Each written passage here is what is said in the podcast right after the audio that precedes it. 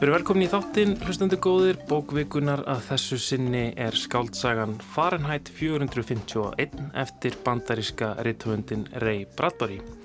Þetta er bók sem kom upp alveg út í bandaríkjunum árið 1953 og kom fyrst út í íslenskri þýðingu 1968 en nú á dögunum kom út ný íslensk þýðing Þórtísar Bakmann hjá bókaforlæginu Ugla. Ray Bradbury er einhver virtasti fyrðusagnahöfundur bandaríkjana á 20. öldinni. Hann skrifaði fjöldanallan af smásögum og skálsögum, leikrit og aðlagaði bækur að kvikmyndum. Hann skrifaði vísindaskálsögur og, og annars konar fyrðusögur en naut óvinnjum mikill að virðingar og vinsælda utan þessa geira með við marga aðra höfunda sem fengust við svipuð viðfóngsefni. Fahrenheit 451 er án vafa þekktasta verk Bradbury Bókin gerist í dystopískri framtíð þar sem bækur eru bannaðar og sérstakt brunalið sérum að brenna þessa háska gripi.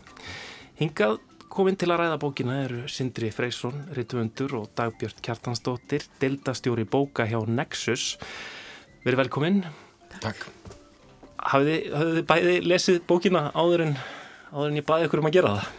Já, ég las hana fyrir mjög löngu síðan. Þannig að ég uh, hafði gott að ég reyfin upp.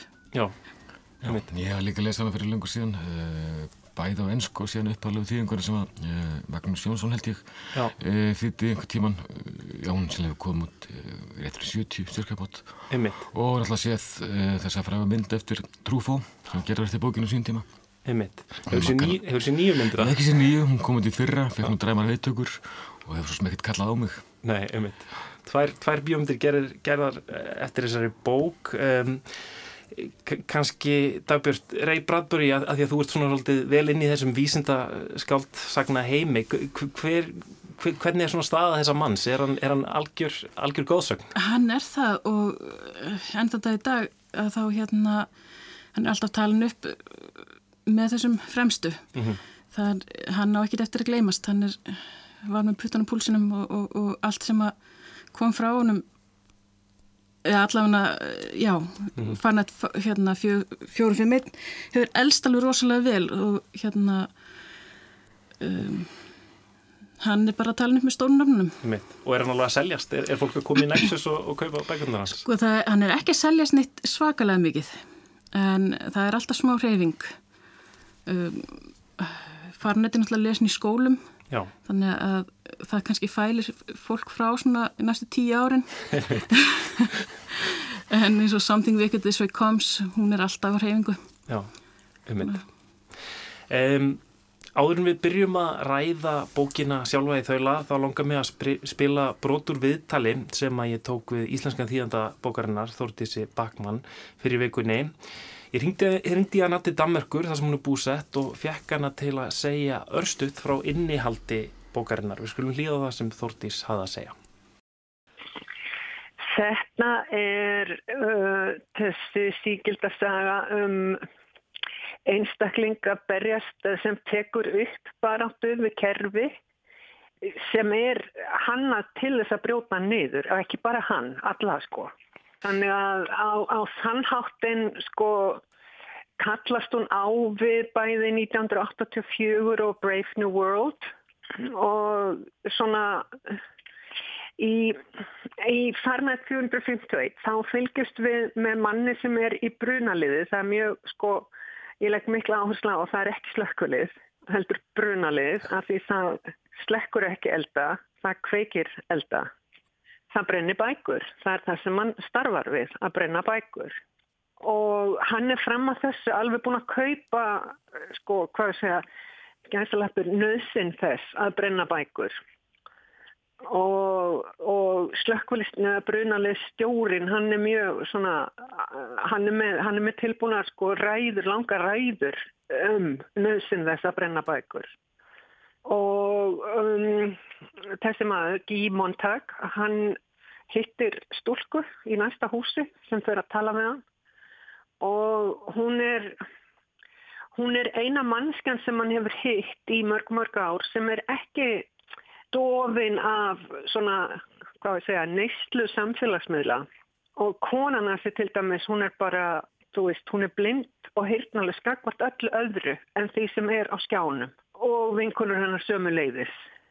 En hann hittur þessa stúlku og hún, hún hefur bara mikil áhrif á hann, mjög mikil, hann fyrir að hugsa öðruvísi og hann hérna stilur einni bók á vettfangi og við sílikur, já, hvað, ætla ekki bara döðrafsing, allavegna hörðrafsing, það er ekkit vægt tekið á slíkur.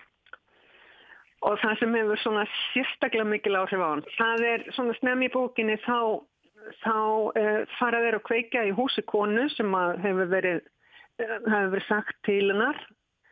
Það er svona mögulega að koma nafnlausum ábundingum á framfæri, vilja örgluna. Uh, að þess og þessi sagt, uh, það séu pottet bækur á hálóftinu hjá henni þeir fara, þeir kveiki húsinu og hún neytar að fara konan, gamla konan sem á húsið hún neytar að fara, hún vil freka brenna inni með bókunum og þetta slæðir hann bara svo óbástlega og hann fyrir að reyna samfara konuna sínum að veist, það hlýtur að vera eitthvað í bókum til þess að fólk gerir svona og, og hún er alveg hörð á hinni línunni.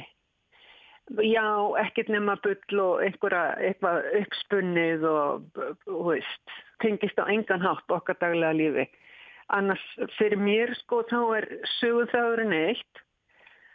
En sko bókin er að verða sjötug. Hún er svona eiginlega orðin takkrænt fyrir mikilvægi læsis og lesturs.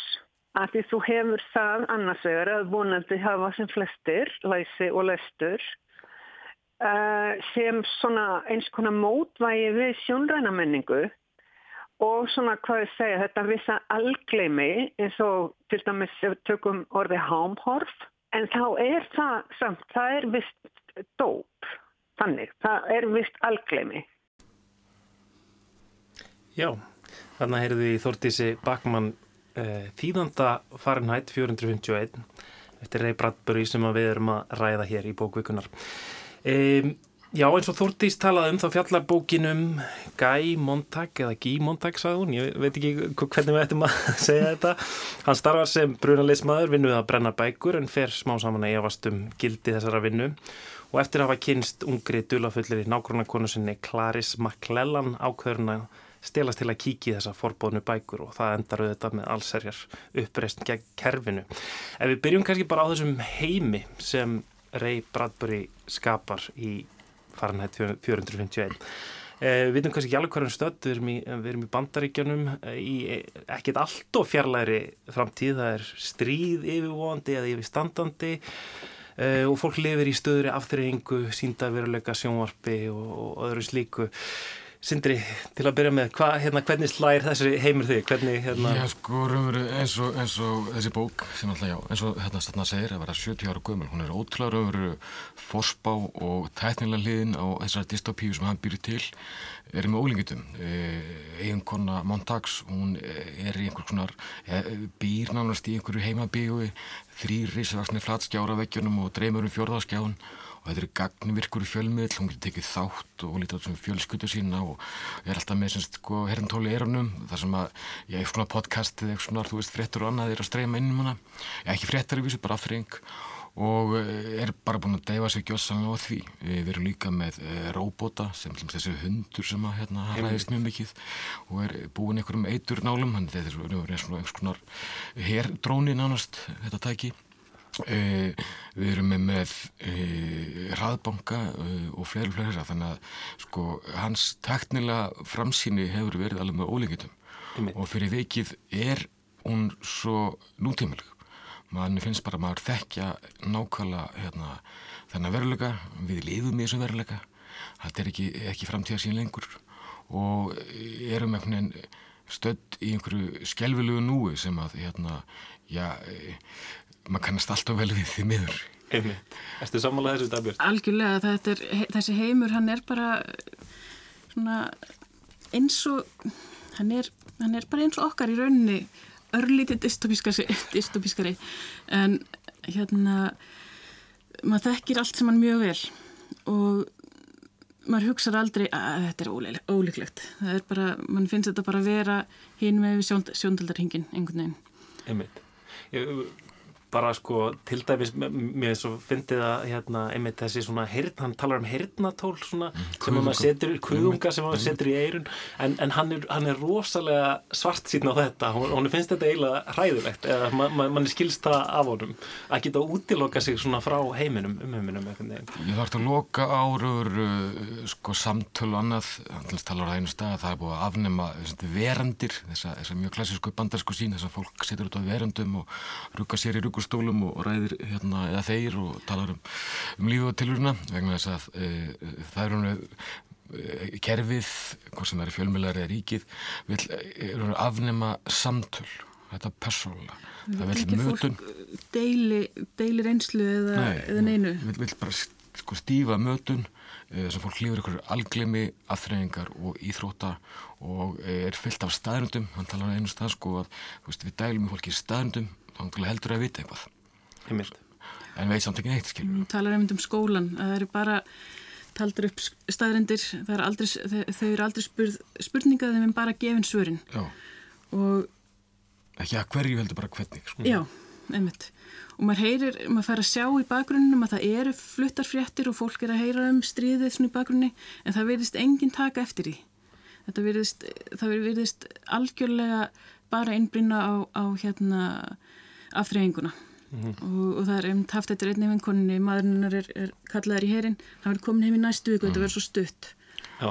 og það deyr enginn í stríði ég hef aldrei hitt talað um mann sem hefur dáið í stríði, segir hún Þannig að Þetta er hérna, við tölmum um þetta sem dystopíu en hérna en þetta eru þetta sko og, og, og það er oft sem að fólk svolítið skiptir dystopíum upp í svona, þessa svona 1984 dystopíu þar sem að, það sem að er, er mjög harkalegt ofbeldi, harkalegu ofbeldi beitt til þess að halda fólki innan rammans og svo þessari verald ný og góð Brave New World mm. eftir högslei það sem er sko jákvæðir kvatar í rauninni til þess að hérna haga sér ákveðin hátt þetta er kannski einhvers þar á milli eða hvar myndum við staðsita þetta á skalanum? Já, uh, mörgluti finnst mér þessi bók Bradburys Eh, hugsaði eldast sumpart betur heldur svo að það var bækur sem þú nefnir.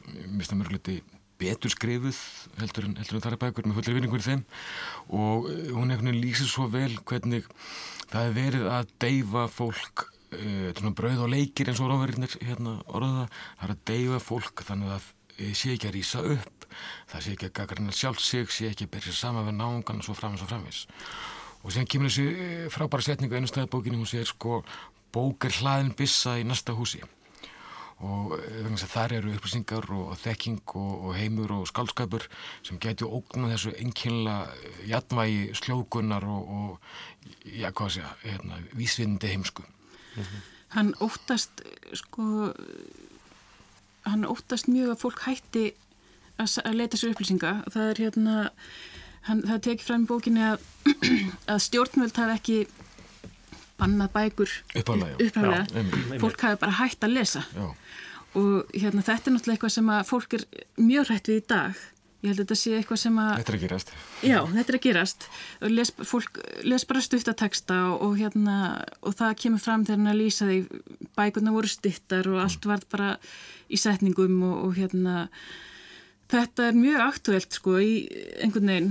Mm -hmm. en ég held, held svo sem að Þetta byrjar ekki sem sko ríkisfórsjá, þetta byrjar ekki sem ofandur byrjar neðan. Já, það er. Og þeir bara greipa tækifærið og, og, og, og hérna ítt undir það. Nákvæmlega og bara veist þá þetta virkaði betur og þessu brunar eru góð skemmtur og svo samvegið sko. Mm. En, en þetta, þetta er mjög áhugavert og þennan lýsir svo ferli það er hérna langt eintal frá e, Betty sem er yfirmæðarans á slöggstöðinni sem að hafi brunaliðinu. slekkur ekki neitt. Slekkur á vísmunum sko, en, en sem að ég hafi greinlega lesið mikið og kemur fram að hann var vel læs og allt þetta. En það voru frá hverju bókum kannski hann taldi það ógnað þessu, þessu jatnvægi samfélagsins sem að er verið leitast eftir.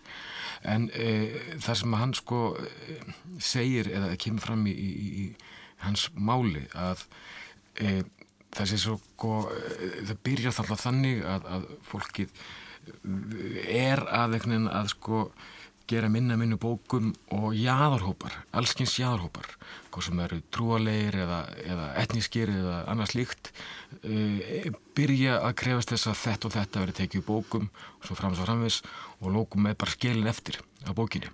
Og það er líka það sem við þekkjum í dag hérna. Pólitísk réttursun alveg Já, úr, úr öllum mismönda áttum og þegar einn hópur vil hlætt út og annar hitt þá er fátt eftir af, af innihaldi bókarinnar. Ja, það er náttúrulega bara einn tímandi rítskoðun sko, sem að já, en er í gangi, hún er virk núna sko, er mjög virk, mjög, mjög virk sko. einmitt, þetta er einmitt eitthvað sem kom mér svolítið óvart sko, að því ég hef ekki lesið bókina áður að, að einmitt maður, maður það sem maður þekkir af bókinni svona utanfrá er einmitt að þarna séu bækur brendar en, og maður ímynda sér að þetta sé þetta sterkaríki sem að vissulega gera það í þessari bók en, en þessi innræða það bara tekum við kindlinu bóstæðlega sko. Einmitt. Mjög merkilegt sko. En, en þessi bók er náttúrulega innblásin sko uh, af sko hún er skrifið þarna eiginlega á McCarthy tímanum þar sem eru hálgerar ofsóknir gegn sósialistum og, og svo hef, hafði Bradbury séð líka hvernig nazistar og, og stalinistar eh, brendu bækur og, hérna. hann hefði endur tólkað bókina sko, hann tala fyrst um þetta síðan ansvar við þessum nornabrennu sem fylgdu makarþísmannum og síðan þegar framniða stundir þá talar hann um þessi geigvanlu áhrif e, fjöldamenningarnar eða, eða, eða fjölmjölega menningarnar og hvernig hún er þurkar allt út og, og ítir fólk frá lestri og bókmyndum og kannski raunverulegum hugmyndum heimsbyggi þess að vera slíku.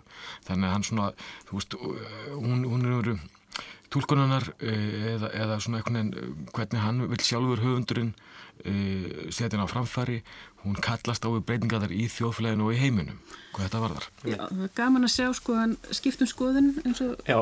hérna, já, allavega, kannski ekki skiptum skoðun en já, það er alltaf sko, oft skrifar fólk eitthvað og það heldur sér bara við það. Okay. en hann, já, hann, hann næra að þróa með sér sko og það er náttúrulega út af því að bókin er þannig að, að þú getur tekið út margar hluti í henni ég meina, þú getur tekið henni sem hérna, lestu meira en ég meina, það er rosalega grunn tólkun á henni. Mm -hmm. og hérna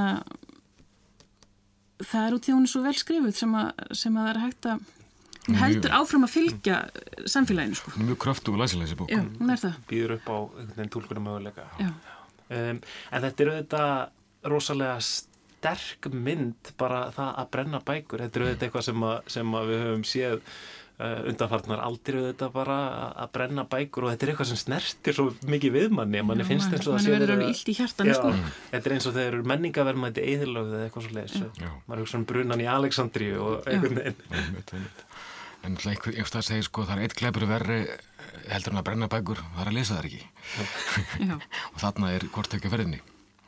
Einmitt en það sem gerist náttúrulega í þessu samfélagi þar sem að, þar sem að bækur uh, eru bannaðar og, og ekki lesnar er einhvern veginn að uh, eins og kannski í þessum þekktustu dystopísku verkum líka að það einhvern veginn verður uh, sagan gleimist og fólk gleimir sögunni og, og, og jafnvel þannig að bara á persónlegu um, persónlega þá hættir fólk að muna bara sína eigin sögu að þau, þau hjónin hann að mun ekki hvernar þau hittust fyrst. Mm. Nei, eða hvar eða Já, Já það er mjög, mjög það er áhrifvægt og raunveru sko þessi Mildred, þessi eiginkona Montags hún fær náttúrulega mjög, mjög eh, slæma útrið.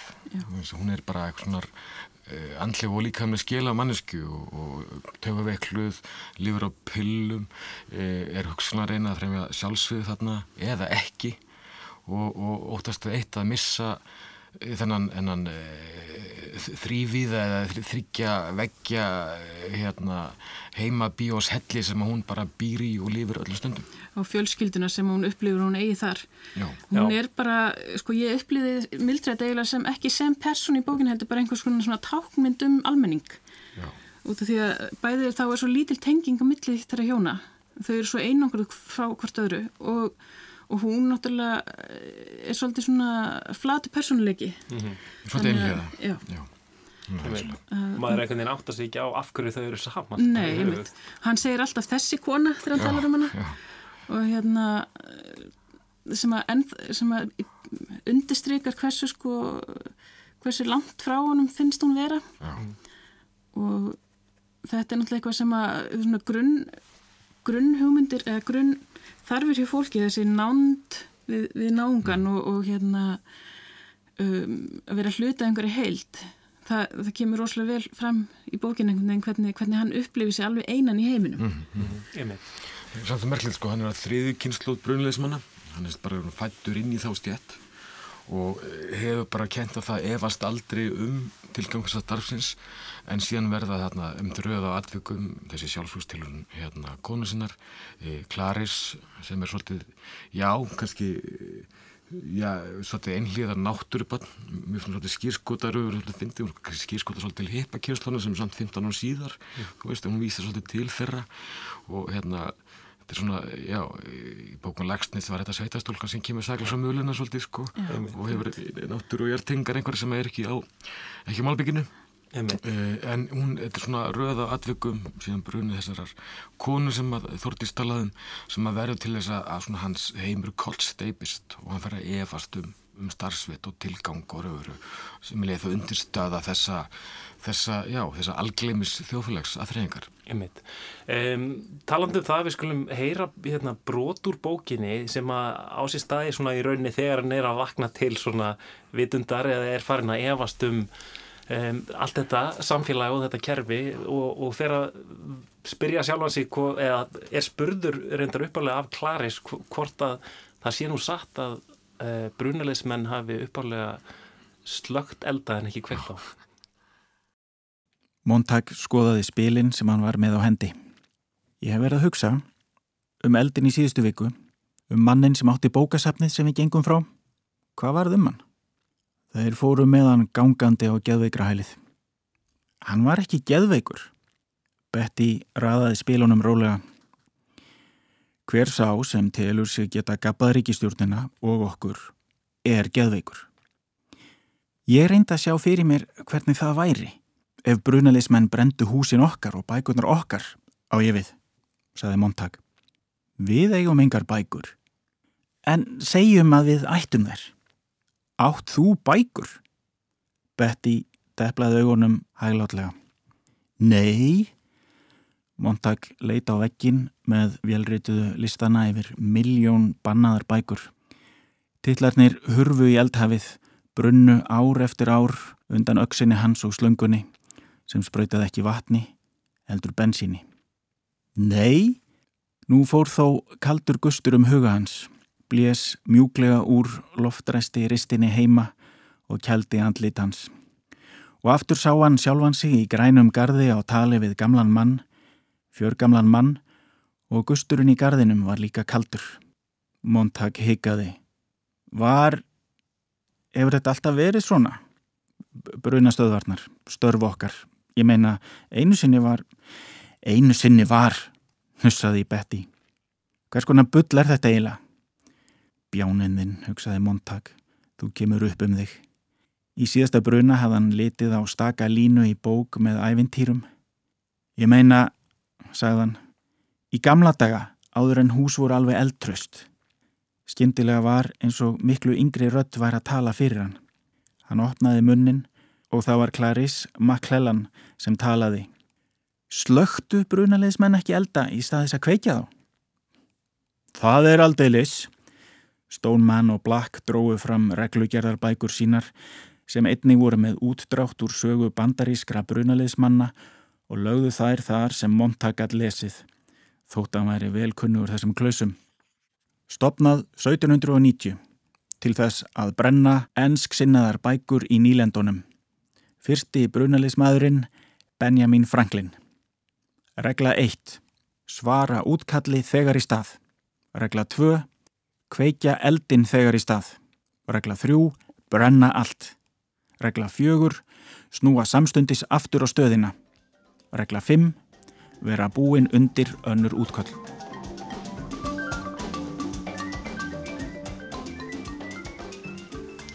Já, þarna heyrðum við brot úr bókinni Fahrenheit 451 eftir Ray Bradbury sem er bókvíkunar Þau eru einnig á mér, Dagbjörn Kjartansdóttir og Sindri Freysson að ræða þessa bók. Um, ef við ræðum kannski um söguna sjálfa, um, atbyrðarásina, framvinduna, þetta er, er þetta ekki svona, kannski svolítið svona hefbundin svona dystopía, þetta er svona eiginlega svolítið eins og þessar, allar þessar uh, helstu það er, það er hann einhver svona venjulegur maður sem að kynnist konu og uh, átta sig einhvern veginn á, á hérna hvern, hvern, hvernig pottin er búið með samfélagið og, og þau ger einhvers konar uppreist á vissan hátt og svo er yfirleitt alltaf svona já, og, og svo er alltaf svona einn vondikatt sem, a, sem að hérna, á, á í, í samtali við persónuna og rökgræðir einhvern veginn. Þetta er svolítið þetta er formúla, eða ekki?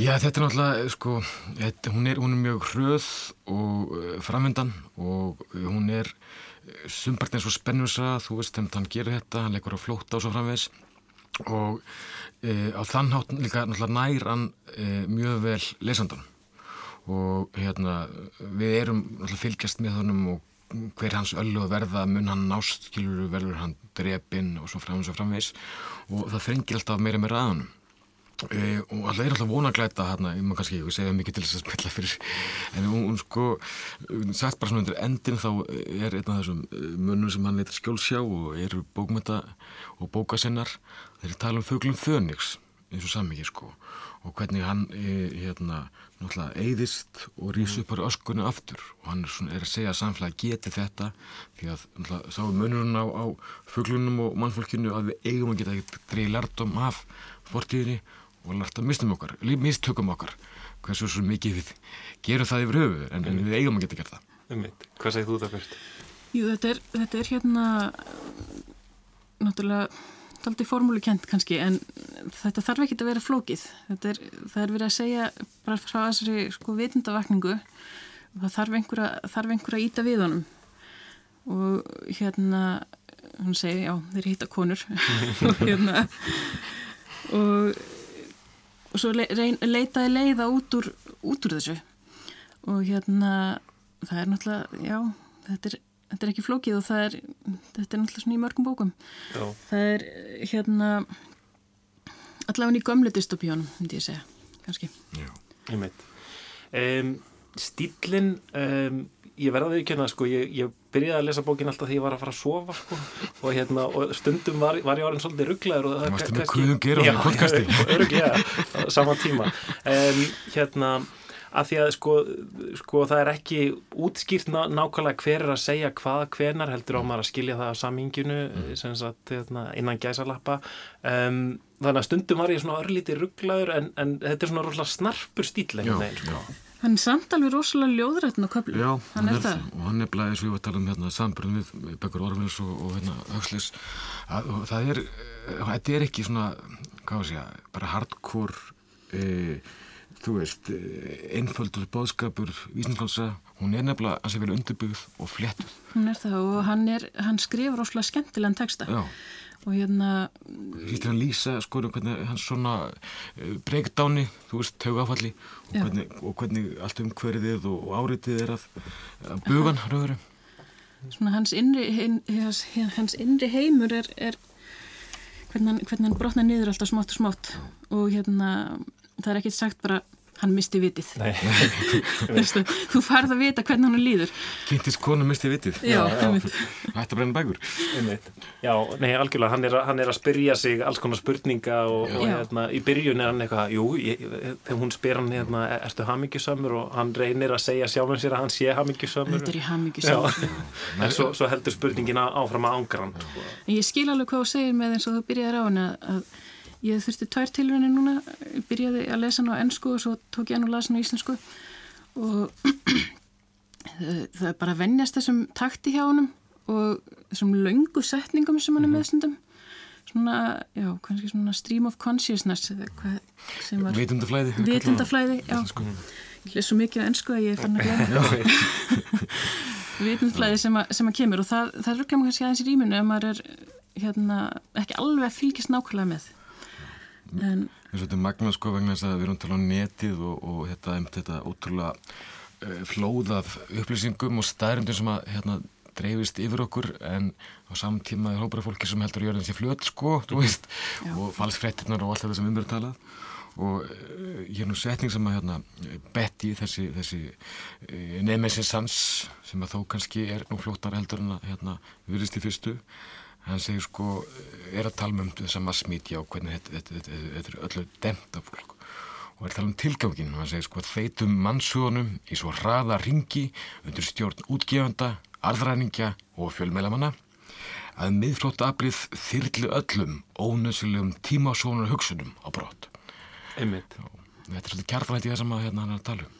Einmitt. En það, var, það er áhægt áðurinn við byrjuðum þáttinn dagbjörn, þá varst þú að tala um að, vorum að tala um hversu vel hann næði nútímanum. En um, það sem að hann næri ekki er, er auðvitað internetið og í rauninni þetta útrúlega dreifða flæði upplýsinga. Af því að E, á, á þessum stað, jú, jú, það eru komin svaka sjónvarp og við erum með hérna, heyrnatól. Sko, þetta er gagnvirk sjónvarp, sko. Já, en einhver leiti miðstýrt eða ekki? Jú, ég menna, sko, hún þeim smildrið, hún tekur þátt í samtali við e, einhver leikið efni, mm. veruleika efni sem er í Það er sann svona frekar takmarkað, sko. það er alltaf eina spurning, hún fær alltaf spurninguna hvað finnst þér Mildred? Já, já þetta er alltaf, þetta er mjög yfirborslegt en það finnst samt fyrir þáttakandi en það er náttúrulega, þú skiptir einhver máli í þessu stóra samhengi. Nei, hann sér náttúrulega sko hann fyrir einhvers konar hérna gagvika eh, fjölmila en það, það náttúrulega er, er bara mjög, ég man ekki eftir einu vístaskaldsuhöndi sem, sem að sá fyrir internetið í þeirri mynd sem það er í dag og hérna hann náttúrulega hefur bara þetta í höndunum sem að hann sjálfur hérna þekkir, sjónvarpið útvarpið og hann sér samt fyrir einangrununa sem, sem að fylgir því að sökva sér svona algjörlega ofan í það. Hvernig fólk loka sig af. Já, og þetta, maður sér þetta bara hverjum degi í dag með hérna símona og fólkið með börninni eftirdræði þessum að... Fólk að lana. Já, einmitt. Hérna, já, en, en einmitt, það er þessi svakalegi sko hraði sem allt er komið á, en, en þannig er það kannski já, mögulega á, ákveðin taktík hjá, hjá yfirvöldum en kannski gerist það líka bara Ma, maður fær, fær ekki beint þær upplýsingar. Nei, nei, eins og sko, eins og hann sagði hann rættum á hann, þetta er, þetta er, þetta er eh, þróun sem að kemur að neðan frá hérna, fólki sem að svona þegar einu stað sko, þú veist, hérna flytjum allt út, það þarf fólk ekki að byrja saman við fjöllin, sko mm. þú veist, sem er það vitsmjölu fjöll eða englegu fjöll mm. og hérna og síðan alltaf sé jæðarhópar svo framins og framvis þannig að eh, einhvern veginn virðist sko stjórnvöldin auðvitað við einmitt þetta einiræð og ríki sem er til 1984 þar sem öllu er styrtað ofan að e, ríki virðist bara taka við e, þessari þróun og sér að hún gagnast þeim í að stjórna fólki og halda því í dopnu mm -hmm. e, og við heldur þessu breytir alltaf slökklegan með brunulegs og framvegist Þetta er náttúrulega þekkt minna allstaðar á mörgum staðum með heimnum þetta hvernig, hvernig hérna hvað er best til að eh, stjórna fjöldanum, hérna, fjöldanum. Mm. bara trúabröð er náttúrulega mikið nót, voru mikið nótið og eru mikið nótið og hérna bröðuleikir þetta bara þetta já, og stjórna flæði upplýsinga það er náttúrulega mjög góð leið til þess að bara slá reiki í augunum fólki sko, hvað er önverulega að gerast eins og ég segi alltaf sko að þegar það að taka ákvarðanir um einhver hérna alveg málefni á þingi hvort sem það er hérna í bandaríkjana með einhverstar að þá kemur eitthvað svona eitthvað svona flöffmál upp sem að allir mm -hmm. svona, svona nextli eða, eða hérna Svona smörklípa sem að hérna, dreif aðtilin því það nennir enginn að hlusta á sko lagasetningar sko. Nei, það er bara hérna, fara allir að skoða hvað nýjustu kjóluna eða, eða hérna, mm. hvað börnin voru skýrið eða eitthvað sko. um, ef, við, ef við förum svona nær endinum, ég vil kannski ekki gefa allt upp en ég menna þetta er samt 70 ára gömul bók þannig að fólk gæti nú að geta Jafnir gerinn í dag Já, hérna, en það sem hann virðist vera svona, hann, hann virðist gefa, gefa svolítið út að, að sko það sem að ég tók allavega sem boðskapin er að all, all þessi afþreying hún um, byrgir okkur sín á í rauninni heiminn mm -hmm. ekki, ekki bara sko bækur og innhald þeirra mm -hmm. heldur mér finnst að vera líka sko hann fer að sjá uh, umhverfið sitt, hann fer að sjá og, og fer að finna lyktina mm -hmm. af trjánum og, og fer að sko skinnja uh, og ég, sko ég hefði viljað lesa hann aftur til þess aðtöfa sko uh, lýsingarnar á uh, lyktinni og, og skinnjunni í lokin, hvort, eða hvort að það aukist sko í gegnum bókina, mm. lýsingarnar. Ég er nokkuð vissum að gera það, þannig að síðasti ok, höskuldar viðverun, er það ekki það sem þetta er sko, hérna, síðasti kaplinn þar sem hann er að ganga um í sveitinni sko, þannig að hann er að taka inn allt í kringu sig að það er náttúrulega sko mjög nákvæm lýsing á, á lykt og, og hérna áferð og, og tilfinningum sem að þú sérði ekki þarna þegar hann kemur fyrir hotna við hittir Clarisse, mm. Clarisse Þar finnur hann lykt, þar finnur hann einhvern ilm og lykt Já. sem bara einhvern svona loðir eða, eða hérna, svífur um loftið fyrsti vísmynding um hana Já. og þannig hún er einhver svona sko já, eh, ingangur inn í þá vít, náttúru, Mm. náttúruvítina þannig að það er svona fyrirbóð þess sem að setna kemur Já. á sama tíma og eða þú lest þeim þess að þennan fyrsta hluta að e, það er, er endurlust haustlöf að fjúka, fjúka um, þurr, vistnuð sem að vitna svo sín í bækurnar svo til sko, þetta séu svo, er svo blaðsýður sem að þarna sem að fjúka fjúka allt um í umhverfinu og í öllum, öllum þessum heimi Einmitt. Þannig í byrjun er það bara bensínlyktin Já. sem að Já. fyllir vit allra. nákvæmlega, hann er henni aldrei af sér nei Einmitt. Um, þessi bók kom út 53, hún var þýtt á íslensku 1968 af Magnúsi Jónssoni. Um, núna 50 árum setna, hvað finnst ykkur um að vera að þýða bókina aftur? 51, já, herðu, hún kom út 51 Ég, hérna, byrst aðsökunar á þessu um, en ný þýðing um, hvað finnst ykkur um það? Náttúrulega Þorður sem er lipur og vanur þýðandi sjóuð í að, að e, hérna, þýða úr þessum, úr ennsku yfirleitt held ég. Og mér finnst hún, e, já, gerir bara vel, þetta er, er, kraftur í henni og hún flæðir e, ágætlega og, og, og ekkert sem að ég vissu fór ekki inn að samanbreyðfræði, ég var ekki að bera saman e, hérna ennsku útgáðan og íslensku en svona e, með hvað, hvað mér minnir um því last það bók hverju löngu löngu og, og þess að nú þá held ég þetta sé bara læsilegt og, og, og það er snerpa og kraftur í þessu og skila vel held ég andrslóttinu í, sem að þarna verða að lýsa. Mm, algjörlega, hún er hérna um, algjörlega laus við einhverja svona tilgerð.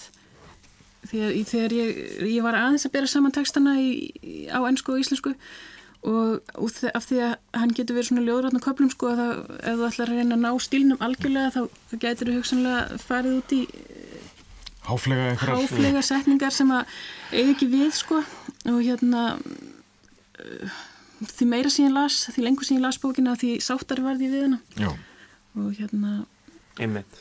Mér finnst það alveg rétt að sér að endur, endur því að svona bækur, sérstaklega eins og þú varst að segja mér hérna að þátturum byrjaði að, að upprunnilega þýðingin á íslensku hafi sannlega verið út dönsku.